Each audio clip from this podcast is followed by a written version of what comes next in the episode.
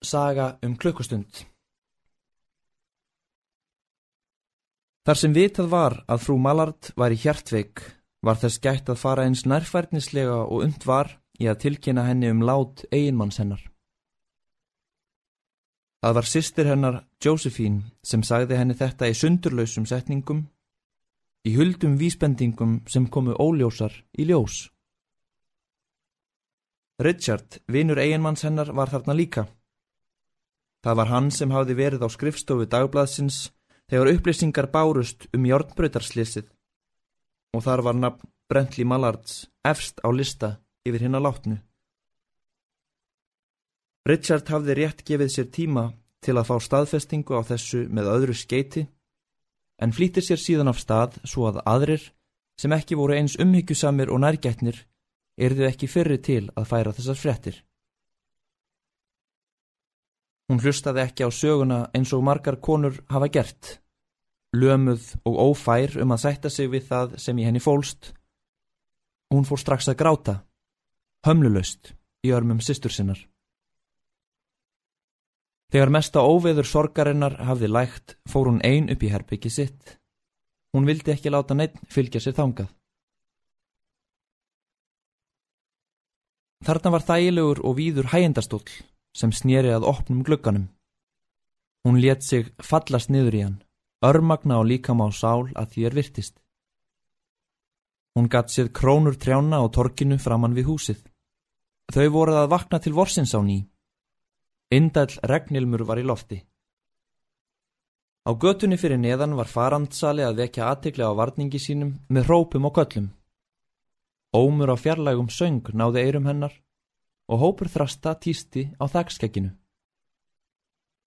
Það sást á stöku stað í heiðan heiminn bak við skíin sem höfðu mætt til leiks og hrannast upp í vestri.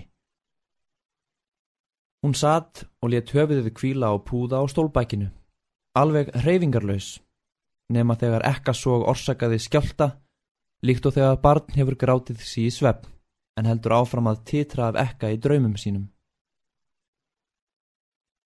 Hún var ung, með bjartan og alvarlegan svip sem bar vott um undirókun og jafnvel nokkurt styrk. En nú voru augun myrk og starandi og það var eins og þau beindust að einum blámanum á himninum. Það var ekki grublandi augnaráð, frekar var eins og það gæfi vísbendingu um snjalla hugmynd sem væri rétt ókomin. Það var eitthvað á leiðinni til hennar hún beigð millir vonar og óta. Hvað var það? Hún vissi það ekki. Það var of döft og óljóst til að hægt værið að koma orðum að því. En hún fann fyrir því. Eins og það værið að koma ofan af himni. Næði til hennar með hljómi, ilmi og litum sem fylltu loftið. Brjóst hennar liftist og hneig í ákafa. Hún var farin að átta sig á því sem var að nálgast hanna og ná tökum á henni. Og hún reyndi að beita vilja sínum til að rinda því frá sér, eins máttleisislega og hún hefði gert með sínum kvítu og kraftlillu höndum. Þegar hún gafst upp á öllum mótróa, slapp lítið kvíslað orð frá vörumennar. Hún sagði það aftur og aftur um leið og hún andaði. Frjáls. Frjáls. Frjáls. Starandi augnaráðið og ángistar sviprun sem því hafði fyllt var horfið. Augun voru kvöss og björt. Hjartslátturinn var ör og ólgandi blóðið vermdi og róaði allan líkama hennar. Hún hætti ekki að spyrja sig hvort hún væri haldinn ógnvænlegri gleði eða ekki, en skýr og upphafinn skinnjun gerði henni kleift að íta þeirri spurningu frá sér sem ómerkilegri. Hún vissi að hún myndi gráta aftur þegar hún sæi hinnar mildu og mjúku hendur krosslagðar í dauða. Andlitið sem aldrei hafði hort á hann í fullvissu um ástennar styrnað grátt og dött. En handan við það dapurlega augnablík sá hún mörg ár sem myndi tilhera henni einni og hún tegði arma sína fram til þeirra í fögnuði. Það erði engin að lifa fyrir á þessum komandi árum og hún myndi lifa fyrir sjálfa sig. Það erði engin sterkur vilji til að beigja hennar í henni blindu ákjöfð sem karlar og konur halda að þau eigi persónulegan rétt á að beita samferðamenn. Hvort sem um var að ræða góðan ásetning eða illan ásetning. Hvort vekja var að hennar áliti glæpur þegar hún leita þetta í sinni stuttu hugljómun. Samt hafði hún elskaðan. Stundum. Oft hafði hún ekki gert það. Hvaða máli skipti það? Hvað gatt ást, hinn óleista ráðgáta, haft að segja gagvart þessari vissu um eigið sjálfsöryggi sem hún hafði skindilega uppgötvað sem sterkustu kvöt sinnar eigin tilveru. Frjáls. Líkami og sál frjáls, kvistaði hún stanslust. Jósefín kraup við læstar dyrnar með varirnar við skráargatið og grátbændi sýstu sinna um að leipa sér inn. Louise, opnaðu dyrnar. Ég byrði þig, opnaðu dyrnar. Þú verðu veik. Hvað ert að gera, Louise? Í Guðspænum, opnaðu. Farðu burt.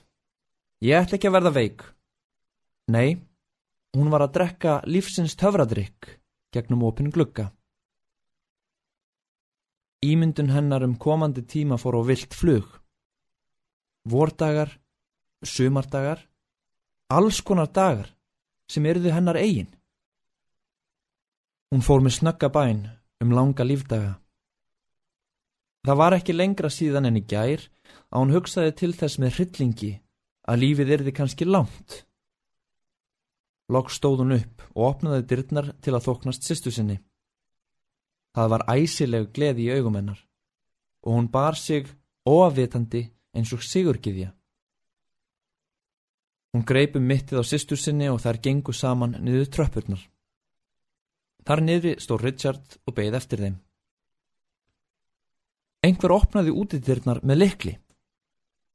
Það var Brentley Mallard sem gekk inn. Dálítið eins og ferðlúin og hjælt á töskunni og reklífinni rólegur í fasi. Hann hafði verið fjarrið slistaðnum og vissi reyndar ekki að það hefði orðið slis. Hann stóð agndofa við skerandi óp Josephine og snöggar heifingu Richards til að hindra það að hann sægi konuna sína. Þegar læknar komu sögðu þeirra hún hefði dáið af hjarta áfalli, af bannvætni gleði.